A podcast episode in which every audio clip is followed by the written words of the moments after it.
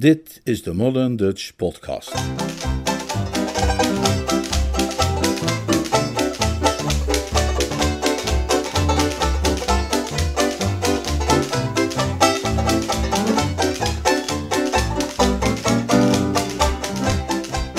Een man van eer.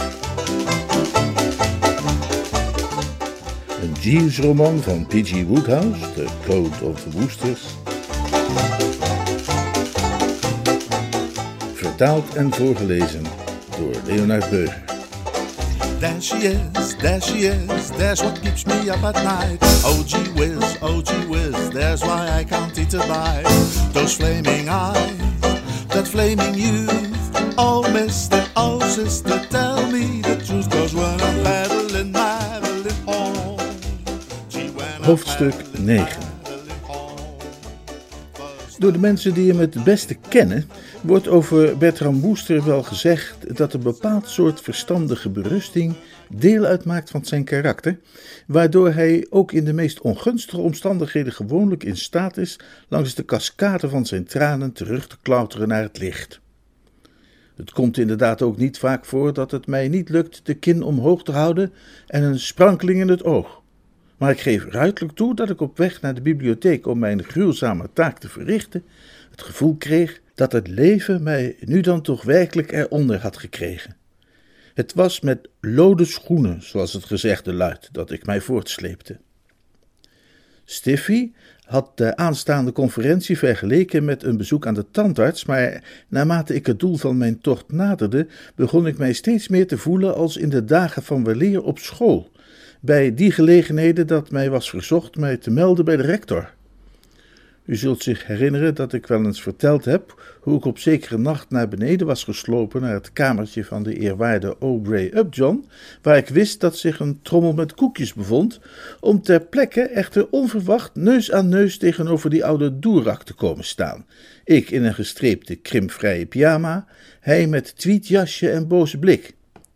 Die ontmoeting resulteerde in een afspraak voor de volgende middag om half vijf op dezelfde plek. En mijn gevoelens op dit moment in het heden waren vrijwel identiek aan de emoties die ik doormaakte op die namiddag van lang geleden, toen ik op de deur van dat kamertje klopte en een nauwelijks menselijk te noemen stemgeluid mij binnennoodde. Het enige verschil was dat de eerwaarde Aubrey Upjohn destijds alleen was geweest en Sir Watkin Bassett daarbinnen klaarblijkelijk reeds gezelschap had. Mijn knokkels hadden nog niet het hout van de deur geraakt toen ik al het geroezemoes van stemmen hoorde, en bij het binnengaan zag ik dat mijn oren me niet bedrogen hadden. Pa Bassett zat achter zijn bureau en naast hem stond agent Eustace Oates. Die aanblik kwadrateerde nog het huiverende gevoel dat mij had overvallen. Ik weet niet of u ooit voor een gerechtelijk tribunaal bent gedaagd, maar mocht dat zo zijn, dan zult u kunnen onderschrijven dat zoiets een moeilijk uitwisbare ervaring oplevert, die ervoor zorgt dat telkens wanneer u later onverwacht geconfronteerd wordt met een zittende magistraat en een staande gerechtsdienaar, die associatie u een schok bezorgt met een sterk ontmoedigend effect. Een snelle, scherpe blik van de zijde van pa B deed ook niet bepaald de polsslag dalen. Ja, meneer Woester? Oh, eh, eh, kan ik u misschien een ogenblikje spreken? Mij spreken?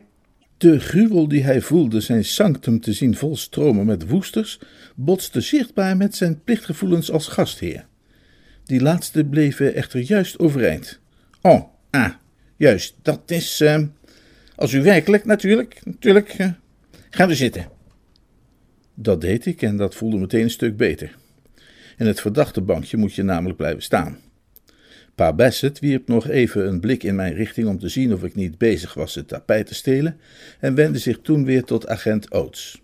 Dat was alles, dacht ik zo, Oates. Uitstekend, eh, Sir Watkin. Dus je hebt goed begrepen wat je moet doen. Ja, meneer. En wat die andere kwestie betreft, daar zal ik zorgvuldig naar kijken. De verdenkingen die jij hebt geuit, zal ik daarbij zeker in gedachten houden. Ik beloof je een diepgaand onderzoek. De nijvere politieman stampte de deur uit. Pa Bassett rommelde een tijdje met de paparassen op zijn bureau. Daarna wierp hij opnieuw een blik in mijn richting. Dat was agent Oates, meneer Woester. Uh, ja. U kent hem? Ik uh, heb hem eerder gezien. Wanneer? Uh, aan het begin van de middag. Daarna niet meer? nee. Dat weet u heel zeker? Oh ja. Hm. Hij frutselde weer wat met zijn paparas en sneed toen een ander onderwerp aan. Wij vonden het allemaal erg jammer dat u na het diner niet bij ons was in de salon, meneer Woester. Dat was natuurlijk wel een beetje gênant. Een sociaal voelend mens bekent natuurlijk niet graag aan zijn gastheer dat hij hem heeft ontlopen als een melaatse. Wij hebben u zeer gemist. Oh, werkelijk, dat, dat, spijt me dan. Ik had een beetje hoofdpijn en heb mij op mijn kamer verschanst. Ah, juist. En daar bent u gebleven? Ja. U bent niet toevallig een eindje gaan wandelen in de frisse lucht om uw hoofdpijn kwijt te raken? Nee, nee, de hele tijd uh, verschanst gebleven. Aha, mal. Mijn dochter Madeline vertelde me dat ze na het diner tweemaal naar uw kamer is gegaan, maar dat ze u daar niet aantrof. Oh, echt waar? Was ik er niet? Nee, u was er niet. Dat, dan, dan moet ik vast ergens anders zijn geweest. Die gedachte was bij mij ook al opgekomen. Ah, ja, nu weet ik het weer. Ik, uh, ik ben inderdaad uh, twee keer even weg geweest. Juist. Hij nam een pen ter hand, leunde wat voorover en tikte met de pen tegen zijn linkerwijsvinger. Iemand heeft gisteravond agent Oates helm gestolen, zei hij, met alweer een verandering van onderwerp. Oh ja? Ja. Helaas heeft hij de onverlaat niet gezien. Uh, niet? Nee. Op het ogenblik dat de diefstal plaatsvond, keek hij juist de andere kant op. Het is verdraaid lastig altijd, hè? Om uh, onverlaten te zien als je, als je juist de andere kant op kijkt. Jazeker. Ja. Het bleef even stil. We leken het eigenlijk op alle punten eens te zijn, maar desondanks bleef ik een zekere spanning bespeuren tussen ons. Ik probeerde de sfeer wat luchtiger te krijgen door een grapje te debiteren dat ik mij herinnerde uit de schoolbanken. Op die manier ga je je inderdaad afvragen: quis custodiet ipsos custodes, nietwaar? Pardon? Een Latijns grapje, legde ik uit. Quis, wie, custodiet, zal bewaken, ipsos custodes, de, de bewaker zelf. Grappig toch, wil ik maar zeggen ging ik verder om de zaak helder te krijgen voor zelfs de eenvoudigsten van geest. Uh, dat iemand die geacht wordt te voorkomen dat dingen gestolen worden, intussen zelf bestolen wordt. ah, juist, ik zie wat u bedoelt. En ik kan me voorstellen dat mensen met een bepaald soort maatschappelijke instelling daar iets humoristisch in zouden kunnen ontdekken. Maar laat me u verzekeren, meneer Woester, dat zulks niet het aspect is dat mij als vrederechter ook maar enigszins aanspreekt. Ik neem dit soort dingen bijzonder ernstig en ik zal degene die hiervoor verantwoordelijk is, wanneer hij is aangehouden en gevangen gezet, mijn gezichtspunt ongetwijfeld doen delen. Dit klonk mij niet gunstig in de oren. Ik begon mij nu toch ernstig ongerust te maken over het welzijn van die brave stinker. Goh, uh, wat voor straf zou hem worden opgelegd, zou u denken? Ik waardeer uw zucht naar kennis, meneer Woester. Maar op dit ogenblik houd ik dat nog even voor mij, als u het niet erg vindt. In de woorden van wijlen Lord Esquith kan ik niet meer zeggen dan: wacht u rustig af. Ik acht het mogelijk dat uw nieuwsgierigheid zeer binnenkort zal worden bevredigd. Ik wilde natuurlijk geen slapende honden uit de sloot halen, maar iets van een aanwijzing kon misschien helpen, dus ik suggereerde: uh, Mij heeft u destijds vijf pond boete opgelegd. Dat was wat u mij vanmiddag al even zei reageerde hij met een kille blik door de pince Maar als ik u goed begrepen heb, werd het misdrijf waarvoor u in Bosher Street voor mij moest verschijnen geplicht tijdens de nachtelijke festiviteiten rond de jaarlijkse roeiwedstrijd tussen Oxford en Cambridge, wanneer de autoriteiten traditioneel een zekere soepelheid betrachten. In het onderhavige geval is er geen sprake van dergelijke verzachtende omstandigheden. Ik zal de gerichte diefstal van overheidseigendom ditmaal zeker niet afdoen met slechts een boete Bedoelt u dat hij de bak indraait? Ik had dit, zoals ik al zei, liever nog even voor mij gehouden, maar nu u zo aandringt, meneer Woester, wil ik uw vraag dan toch bevestigend beantwoorden. Het bleef even stil. Hij tikte met zijn vinger tegen zijn pen en ik, als ik me goed herinner, trok mijn das zorgvuldig recht. Ik maakte mij ernstig zorgen. De gedachte dat die arme stinker in de Bastille zou worden geworpen, was lastig te verteren voor iedereen die vriendelijk geïnteresseerd was in zijn verdere loopbaan en vooruitzichten. En ongetwijfeld niets dat een jonge geestelijke zozeer kan hinderen bij een carrière binnen zijn branche als een verblijf in de baaiers. Hij liet zijn pen zakken. Maar enfin, meneer Woester, u wilde mij geloof ik juist gaan zeggen waarom u eigenlijk hier bent. Ik schrok een beetje. Ik was mijn opdracht uiteraard niet vergeten, maar door al dat sinistere gepraat was die in mijn gedachten wel enigszins op de achtergrond geraakt, en de abruptheid waarmee hij nu weer opdook, gaf mij nogal een schok. Ik begreep dat enige inleidende pourparlers geen overbodige luxe zouden zijn. Als de verhoudingen tussen de ene figuur en de andere figuur van een gespannen aard zijn, kan die laatste figuur bezwaarlijk botweg gaan beweren dat hij zo graag het nichtje van die eerste figuur wil trouwen. Althans niet wanneer hij een natuurlijk gevoel heeft voor wat kan en wat niet kan, zoals de woesters dat hebben. O ja, natuurlijk. Uh, bedankt dat u mij eraan herinnert. Graag gedaan. Ik dacht, ik, uh, ik ga even langs voor een uh, babbeltje. Ah, juist. Waar de kwestie om vroeg was natuurlijk iets van een aanleiding, iets om het gesprek mee te openen, en ik dacht dat ik daar wel iets aardigs voor gevonden had. Ik trad wat vertrouwelijker naderbij. Staat u wel eens stil bij de liefde, Sir Watkin? Pardon? De liefde. Laat u daar uw gedachten wel eens over gaan, tot op zekere hoogte. Bent u hierheen gekomen om met mij over de liefde te spreken? Ja, inderdaad. Dat is het precies. Ik vroeg me af of u daar wel eens iets wonderlijks over hebt opgemerkt, namelijk dat die overal is. De liefde, bedoel ik. Valt niet aan te ontsnappen. Waar je ook gaat, daar is hij weer. Bezig als een klein baasje, overal waar je kijkt in iedere vorm van leven. Heel opmerkelijk. Neem nu bijvoorbeeld watersalamanders. Voelt u zich wel helemaal goed, meneer Woestijn? Oh ja, uitstekend, dank u. Neem nu bijvoorbeeld watersalamanders, zei ik. U zou het niet zeggen misschien, maar ik hoor van Gussie Fink Nottel dat die beestjes in de paartijd werkelijk helemaal dol worden. Dan staan ze uren in een lange rij en waggelen met hun staarten naar de plaatselijke schone. Zeesterren, precies hetzelfde. En paalwormen trouwens ook. Meneer Moestijn. En, nog steeds volgens Gussie, zelfs lintvormig zeewier. Dan staat u van te kijken, is het niet? Ik in elk geval wel. Maar Gussie verzekert me dat het werkelijk zo is. Wat zo'n stuk lintvormig zeewier eigenlijk denkt te bereiken met zijn hofmakerij ontgaat me eerlijk gezegd. Maar als de volle maan schijnt, hoort ook hij de stem der liefde en gaat hij er tegenaan als iedereen. Waarschijnlijk in de hoop dat andere stukken lintvormig zeewier zich erdoor voelen aangesproken, want die ondergaan natuurlijk ook de invloed van de volle maan. Nou ja, hoe dan ook. Waar ik naartoe wil is dat de maan op dit moment ook behoorlijk vol is. En als zeewier daar als een last van heeft, dan zult u het een mens wel niet kwalijk willen nemen dat hij dat gevoel ook kent, toch? Ik vrees dat toch, herhaalde ik met aandrang, en ik voegde er nog een wel dan, niet dan aan toe voor de duidelijkheid. Maar in zijn ogen viel geen vonkje van begrip te ontdekken. Hij had er de hele tijd al uitgezien als iemand die iedere nuance ontging, en hij zag er nog steeds uit als iemand die iedere nuance ontging. Ik vrees dat u mij wel weinig scherpzinnig zult vinden, meneer Woestijn, maar ik heb geen flauw idee waar u het over heeft. Nu het ogenblik was gekomen om hem keihard te zeggen waar het op stond, stelde ik met genoegen vast dat het hypernerveuze gevoel dat mij aanvankelijk zo had beklemd een stuk minder was geworden. Ik zal niet beweren dat ik mij nu echt ontspannen voelde en in staat om ongedwongen onzichtbare stofjes te verwijderen van de smetteloze kantelubben aan mijn mouwen, maar ik voelde mij wel behoorlijk rustig. Wat het zenuwstelsel tot rust had weten te brengen, was het besef dat ik nu elk moment een staaf dynamiet onder zijn stoel tot ontploffing kon brengen, die hem hopelijk zou bijbrengen dat wij niet uitsluitend en alleen voor ons plezier op aarde zijn.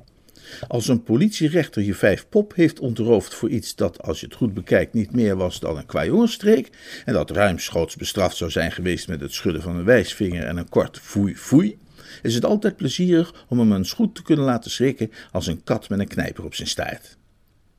Ik heb het over Stiffy en mij. Stiffy?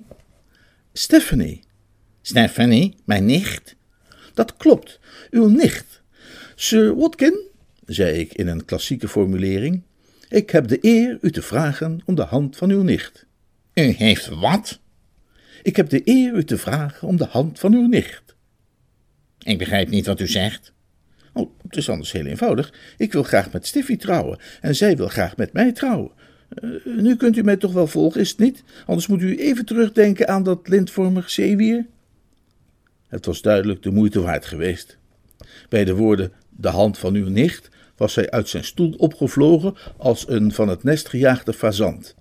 Hij zakte er nu in terug, terwijl hij zich vruchteloos koelte probeerde toe te wuiven met zijn pen. Hij zag er ook ineens een stuk ouder uit. Zij wil met u trouwen? Dat is het idee, ja. Ik was mij er niet van bewust dat u mijn nicht kende. Oh, maar zeker. Wij hebben met z'n tweeën, als u het zo zou willen zeggen, nog maatliefjes geplukt. Tuurlijk ken ik Stiffy. Het zou anders ook wel raar zijn als ik haar niet kende. Zou ik toch niet met haar willen trouwen, is het wel. Daar leek hij de logica wel van in te zien. Hij deed er, afgezien van een zacht kreunend geluid, het zwijgen toe. Ik herinnerde me nog een klassieker. U gaat niet zozeer een nicht verliezen, u krijgt er een neef bij.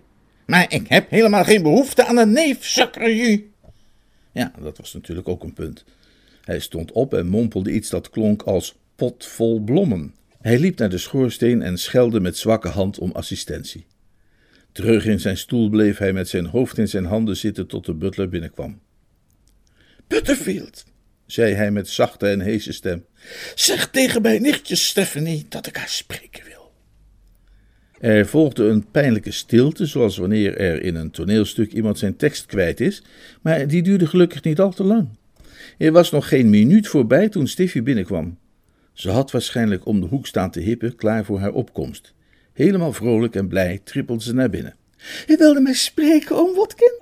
Oh, hallo, Bertie. Hallo. Ik wist niet dat jij ook hier was. Hebben jij en oom Watkin gezellig gepraat? Pa Bassett, die in een coma verzonken had geleken, kwam weer bij en produceerde een geluid als de doodsrochel van een stervende eend. Gezellig is niet het woord dat ik zou hebben gekozen. Hij likte langs zijn bleke lippen. En je hoester heeft me zojuist verteld dat hij met jou zou willen trouwen. Ik moet zeggen dat onze Stiffy een absoluut overtuigende voorstelling gaf. Ze staarde hem aan. Ze staarde mij aan. Ze sloeg haar handen ineen. En ik geloof zelfs dat ze bloosde. Maar Bertie! De oude Bassett brak zijn pen. Ik had me al afgevraagd wanneer dat zou gebeuren. Bertie toch, je maakt me heel erg trots. Trots? Ik bespeurde een ongelovige bijklank in Pa Bassett's stem. Zijn je nou trots? Natuurlijk. Dit is toch het grootste compliment dat een man een vrouw kan bewijzen? Daar zijn alle kenners het over eens. Ik voel me ontzettend gevleid en dankbaar en nou ja, al dat soort dingen. Maar, Bertie, lieverd, het spijt me ontzettend. Ik ben bang dat het onmogelijk is. Ik had niet gedacht dat er iets op de wereld bestond dat beter in staat was om iemand uit de diepste diepten op te heffen dan een van Jeeves' ochtendremedies, maar deze woorden hadden op Pa Bassett beslist een nog groter en prompter effect. Hij had ineengezakt en futloos op zijn stoel gezeten als een gebroken man, maar nu kwam hij overeind met glanzende ogen en trillende lippen. Het was zichtbaar dat de hoop voor hem gloorde. Onmogelijk? Wil je dan niet met hem trouwen? Nee, hij zei van wel. Hij denkt zeker aan een stel andere types. Nee, Bertie, lieverd, dat kan echt niet. Je moet namelijk weten, ik hou van iemand anders. De oude Bassett kreeg een nieuwe schok. Wat? Van wie? De geweldigste man van de hele wereld. En die heeft ook een naam, neem ik aan. Harold Pinker. Harold Pinker? Pinker? De enige Pinker die je kent is onze hulppredikant. Ja, dat klopt. Hij is het. Jij bent verliefd op de hulppredikant? Ja, zei Stiffy. Ze wierp haar blik omhoog en keek precies zoals tante Dalia had gedaan toen zij over de positieve kwaliteiten van chantage had uitgeweid. We zijn al weken in het geheim verloofd. Uit zijn houding was duidelijk af te leiden dat pa Bassett niet direct bereid was dit alles te scharen onder de meest vreugdevolle berichten. Zijn wenkbrauwen waren gefronst als die van de gast in een restaurant die aan zijn dozijntje oesters wil beginnen, maar moet constateren dat de eerste die hij over de lippen krijgt al niet goed is. Begreep dat Stiffy een groot inzicht had getoond in de menselijke natuur, als je die van hem tenminste zo kon noemen, toen ze hem had gezegd dat deze man serieus moest worden voorbereid op nieuws als dit. Het was duidelijk dat hij de vrijwel universele mening deelde van ouders en ooms dat hulppredikanten niet direct een aanleiding vormen om lustig rozen te gaan strooien over het middenpad. Die domineesplaats die u te vergeven heeft, oom Watkin, weet u wel? Harold en ik dachten dat u hem die misschien zou kunnen geven. Dan kunnen we meteen trouwen. Want afgezien van de poen die het oplevert, zou het een eerste stap zijn op weg naar hogere dingen. Tot nog toe is Harold's licht noodgedwongen onder de koormaat gebleven. Als hulppredikant had hij gewoon geen armslag. Maar je moet dus opletten als u een dominee maakt. Als hij dan een keer in zijn handen spuugt en goed op dreef komt, wordt hij werkelijk nog eens echt eminent.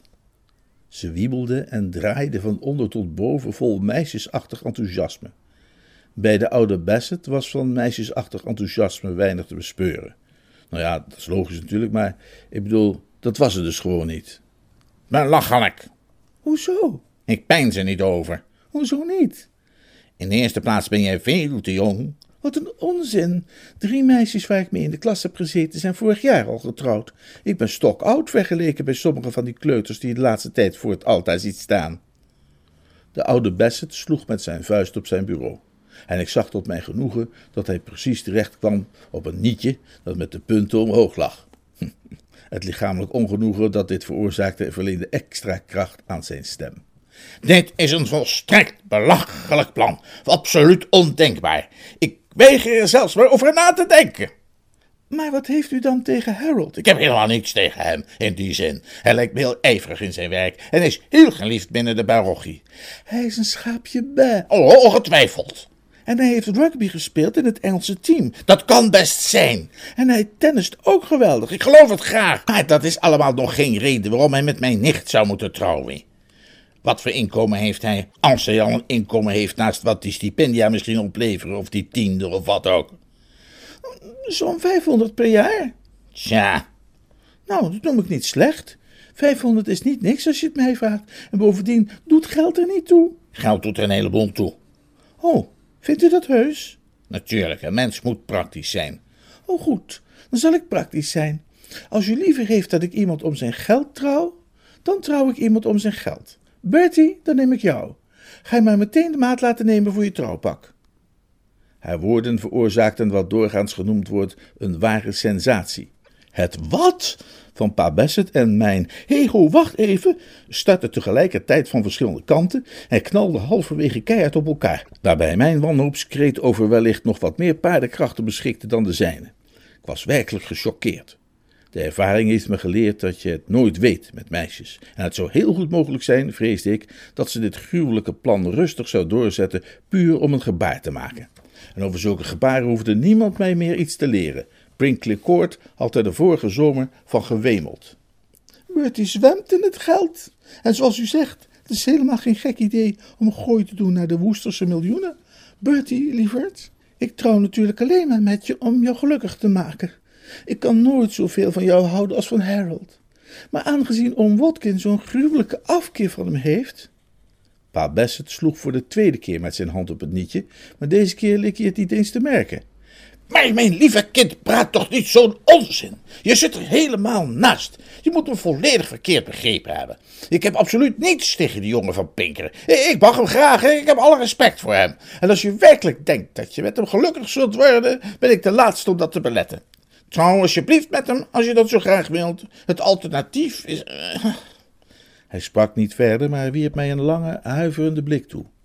Alsof wat hij zag meer was dan zijn tere gezondheid kon verdragen, wendde hij na enige tijd het hoofd af om tenslotte nog een enkele korte blik te wagen.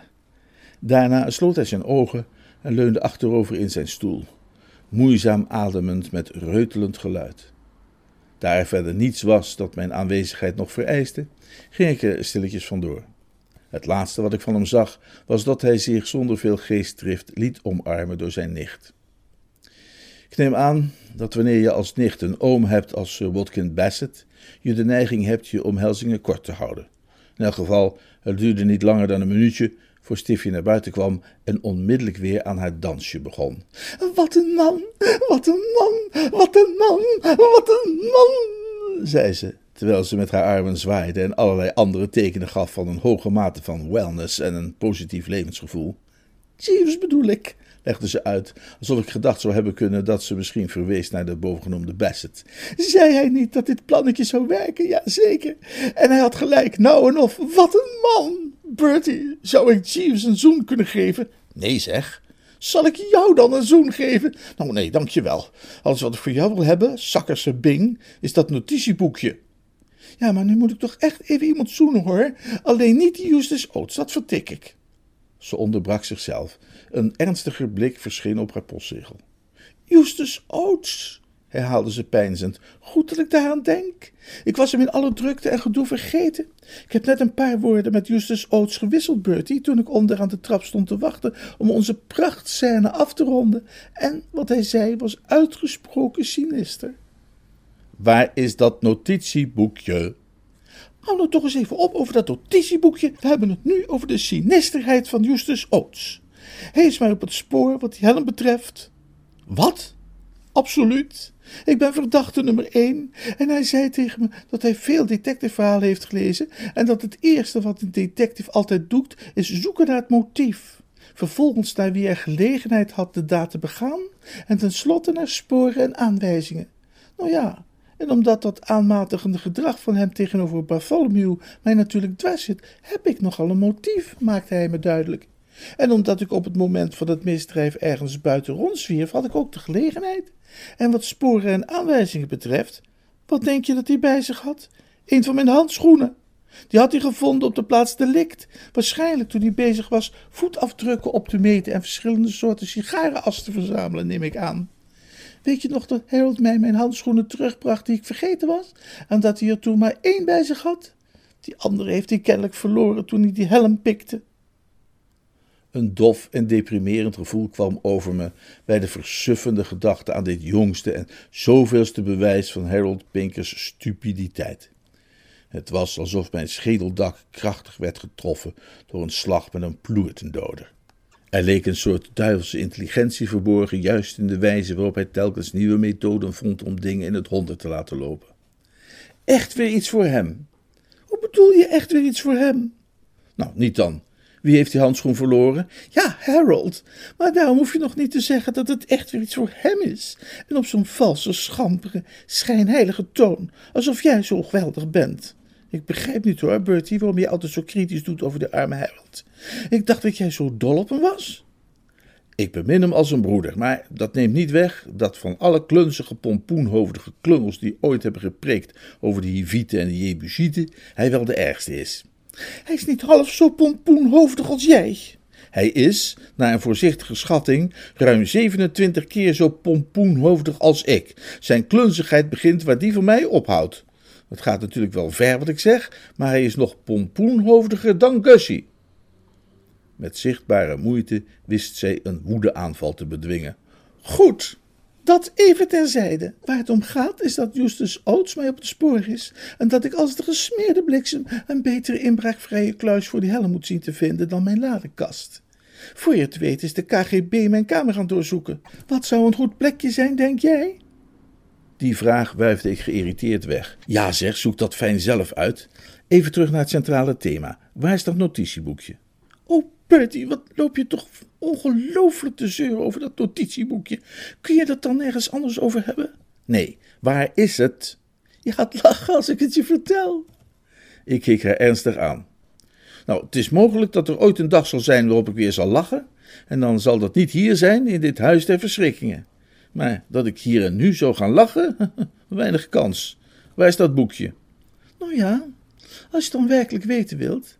Ik heb het verstopt in die roomkoe. Iedereen heeft denk ik wel eens zo'n verhaal gelezen waarin het iemand zwart voor de ogen werd en alles om hem heen begon te draaien. Bij deze woorden van Stiffy werd het mij zwart voor de ogen en begon alles om me heen te draaien. Het was alsof ik onverwacht deel uitmaakte van een Afrikaans dansgezelschap. Je hebt wat?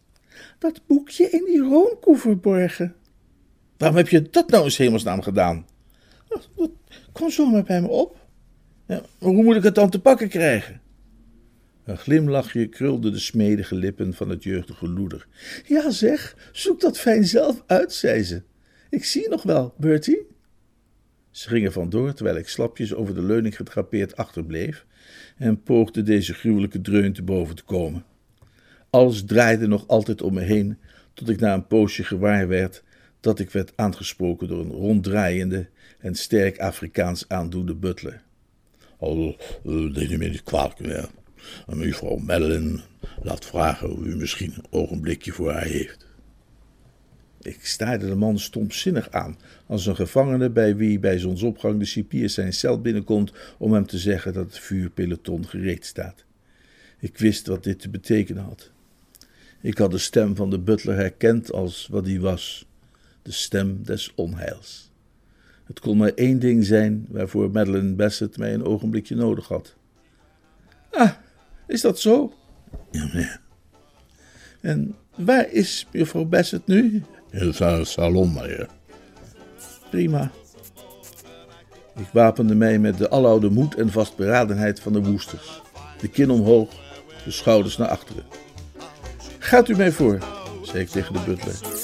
En de butler ging mij voor. Sweet, sweet Madeleine, sweet, sweet Madeleine, sweet, sweet Madeleine.